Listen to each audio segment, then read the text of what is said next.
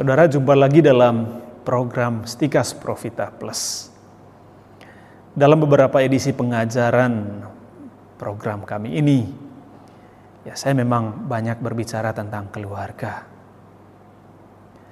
Ya ada yang yang senang karena pembahasan-pembahasan itu mengingatkan kembali panggilan mereka sebagai keluarga Katolik. Mengingatkan kembali janji perkawinan mereka di hadapan Tuhan di hari perkawinan. Meskipun saya berbicara lebih banyak dari sudut pandang hukum gereja. Tetapi ada juga orang yang hatinya gusar, ya, ya nggak apa-apa. Ya karena apa yang saya bahas hanya berada pada level teori. Ya, ya menurut saya ini menarik, ya. Beberapa waktu lalu memang ada seorang kenalan saya yang dengan nada setengah protes mengatakan kepada saya begini, mengapa Romo membahas tentang keluarga?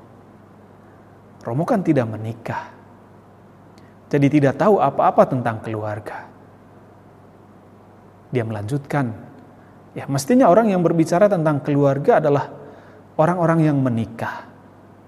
Karena mereka yang berhadapan dengan persoalan real ya setiap hari persoalan langsung ya. Ya demikian dia dengan nada protes ke saya. Ya. Mungkin ada banyak orang yang memiliki cara berpikir demikian bahwa levelnya seorang romo adalah altar, ruang pengakuan dosa yang suci, ya. bukan keluarga. Lalu bagaimana menjawab hal ini? Ya, benar saya katakan kepada beliau, saya seorang romo, bahwa saya tidak memiliki pengalaman hidup berumah tangga. Frater-frater kami juga begitu, ya. Bahwa saya tidak mengalami langsung persoalan-persoalan dalam hidup keluarga di zaman ini. Tetapi saya juga lahir dari keluarga, memiliki keluarga baru dalam komunitas. Itulah keluarga saya. Suatu keluarga yang cukup berbeda dengan keluarga sebagai persekutuan suami istri dengan anak-anak yang merupakan karunia Tuhan. Dalam keluarga sebagai komunitas juga memiliki persoalan sendiri. Dan saya berhadapan langsung dengan persoalan-persoalan itu ya meskipun ya berbeda dengan persoalan yang dialami oleh keluarga. Tapi sedikit banyak ya saya juga memiliki mata untuk melihat ya mendengarkan pengalaman orang lain dari umat ya maka apa yang saya ajarkan kepada saudara melalui program ini adalah pelaksanaan apa yang didesak oleh gereja. Tidak berkeluarga tidak berarti tidak boleh berbicara tentang keluarga. Seorang imam adalah seorang pastor yang artinya seorang gembala yang berusaha bukan saja menuntun domba-dombanya, tetapi mengajarkan umatnya agar menemukan kebenaran yang sesungguhnya tentang hidup sebagai keluarga Katolik. Ini panggilan setiap imam, tanpa mengecilkan panggilan kaum awam yang berkeluarga untuk menjadi saksi hidup berkeluarga di mana dia berada.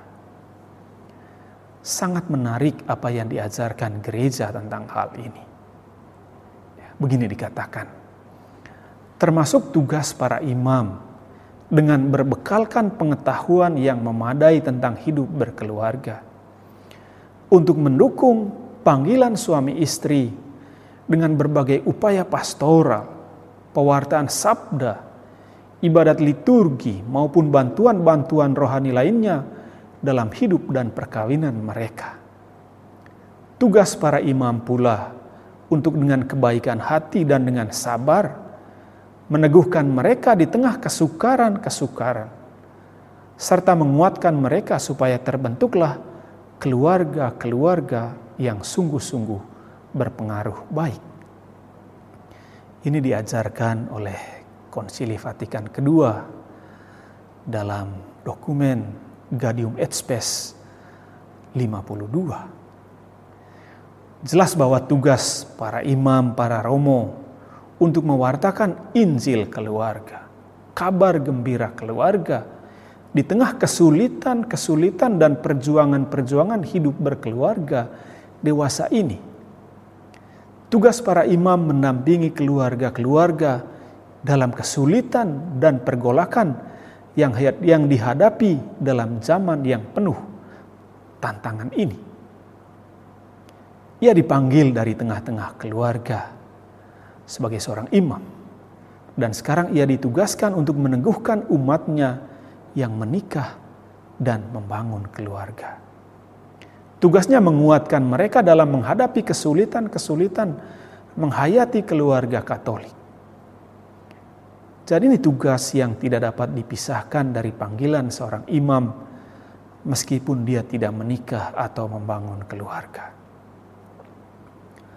Lalu Yohanes Paulus kedua mengatakan bahwa tugas para imam adalah mendukung keluarga dalam kesulitan-kesulitan serta penderitaan yang mereka alami. Dengan sungguh memperhatikan para anggotanya serta menolong mereka menyoroti hidup dalam terang Injil. Maka hendaklah mereka, yaitu para imam, tiada hentinya menghadapi keluarga-keluarga sebagai bapa, saudara, gembala dan guru, dan mendampingi mereka dengan upaya-upaya rahmat, serta menyinari mereka dengan cahaya kebenaran Lalu Yohanes Paulus kedua melanjutkan, ya. Oleh karena itu, ya, ajaran serta nasihat para imam, ya, hendaknya selaras dengan magisterium autentik gereja sedemikian rupa, sehingga membantu umat untuk memperoleh cita rasa iman yang saksama untuk kemudian diterapkan dalam kenyataan hidup. Maka ketika seorang imam mengajar tentang hidup berkeluarga, hal itu dilakukan dalam kaitannya sebagai seorang pengajar umat, sebagai seorang guru, agar para keluarga mampu mengemban tanggung jawab sebagai keluarga Katolik, agar para keluarga ya, tidak dikaburkan oleh kebenaran-kebenaran yang keruh yang keluarga alami dan saksikan melalui pengalaman hidup keluarga yang disalurkan melalui ya banyak dewasa ini media, film, ya, agama dan keyakinan tertentu ataupun melalui pengalaman langsung keluarga Katolik dalam perjumpaan dengan keluarga-keluarga lain dalam hidup sehari-hari. Keluarga Katolik memiliki kekasan sendiri karena diterangi dan dituntun oleh firman hidup. Dan itulah Injil keluarga atau kabar gembira keluarga yang diwartakan oleh para imam. Hal itu diperkuat juga oleh kenyataan bahwa manusia termasuk keluarga sering gampang terpengaruh oleh lingkungan di mana ia tinggal. Apalagi kalau kita sebagai minoritas. Dengan ini kita mau mengajarkan kekasan keluarga Katolik sehingga tidak gampang terombang-ambing oleh arus yang mengaburkan cara pandang dan penghayatan hidup keluarga Katolik. Misalnya, kita tinggal di daerah yang begitu gampangnya keluarga-keluarga kawin cerai. Memiliki keyakinan bahwa poligami diperbolehkan. Kita menyangka itu sebuah kebenaran. Tetapi ternyata berlawanan dengan yang diinginkan Tuhan, seperti yang dikatakan dalam Injil tentang hidup berkeluarga. Ya, berlawanan dengan ajaran Katolik tentang perkawinan. Kebanyakan dari kita begitu gampang mengikuti apa yang terjadi di sekitar kita. Apa yang kita dengar, apa yang kita saksikan, yang kita nonton, yang kita baca di buku, medsos, pemberitaan di televisi, surat kabar, dan lain-lain. Kalau kita menyaksikan pemberitaan, misalnya banyak artis bercerai, kita menyangka itu benar. Kalau kita melihat banyak keluarga tidak mau memiliki anak, dan kandungan perempuan disteril untuk mencegah kehamilan, kita menyangka itu benar. Kalau kita melihat banyak orang mencegah kehamilan dengan kontrasepsi, kita menyangka itulah yang benar. Padahal sesungguhnya tidak. Injil keluarga berusaha menerangi cara berpikir kita tentang keluarga, cara penghayatan hidup keluarga kita, dan itulah yang ingin diwartakan melalui program kami ini. Saya sebagai seorang imam berusaha tidak berbicara dari diri sendiri tentang hal ini. Saya berusaha untuk setia pada ajaran-ajaran gereja yang berasal dari Roma, dari Paus, dari kongregasi-kongregasi di sana. Ajaran-ajaran ini memang tidak dibuat oleh orang-orang yang tidak menikah. Paus tidak menikah. Ya. Kardinal juga tidak menikah. Uskup imam juga tidak menikah. Tetapi bukan berarti Paus tidak tahu bagaimana hidup keluarga Katolik dijalankan. Ya. Paus punya banyak ahli dalam hal ini. Mereka adalah keluarga-keluarga para ahli juga di bidangnya. Jadi Paus bukan ya, asal omong, asal tulis tentang keluarga. Lalu mengapa kita berbicara tentang keluarga? Apa pentingnya untuk kita? Paus kita, Paus Fransiskus maksudnya, beberapa waktu lalu mengatakan begini. Kesejahteraan keluarga menentukan masa depan dunia dan gereja. Sekali lagi, kesejahteraan keluarga menentukan masa depan dunia dan gereja. Ini dikatakan dalam ajarannya tentang keluarga Amoris Letizia 31. Lalu apa maksud hal ini? Bagi saya pernyataan ini penting dan mendasar untuk melihat makna panggilan berkeluarga. Begini, masyarakat dan gereja kan tersusun atas manusia-manusia, atas pribadi-pribadi. Nah, orang-orang ini kan berasal dari keluarga. Maka baik buruknya perilaku mereka sangat bergantung pada bagaimana kondisi keluarga mereka dan bagaimana mereka dididik dalam keluarga. Keluarga yang dididik dalam situasi yang baik tentu berbeda dengan keluarga yang ya mendidik anak-anaknya dalam suasana yang kurang baik. Penuh ketegangan dalam keluarga. Ada kekerasan dalam rumah tangga. Hidup dalam ketakutan karena orang tua terlalu otoriter. Ayah terlalu otoriter seperti seorang raja. Atau ibu terlalu dominan sehingga menjadi ratu kecil dalam rumah jadi maksudnya apa yang terjadi dalam keluarga sangat besar pengaruhnya dalam hidup seseorang. Masyarakat dan gereja yang sehat sangat ditentukan oleh keluarga-keluarga. Nah, saya sendiri selain mengajar para calon imam, juga membina mereka agar suatu saat dapat menjadi imam yang baik.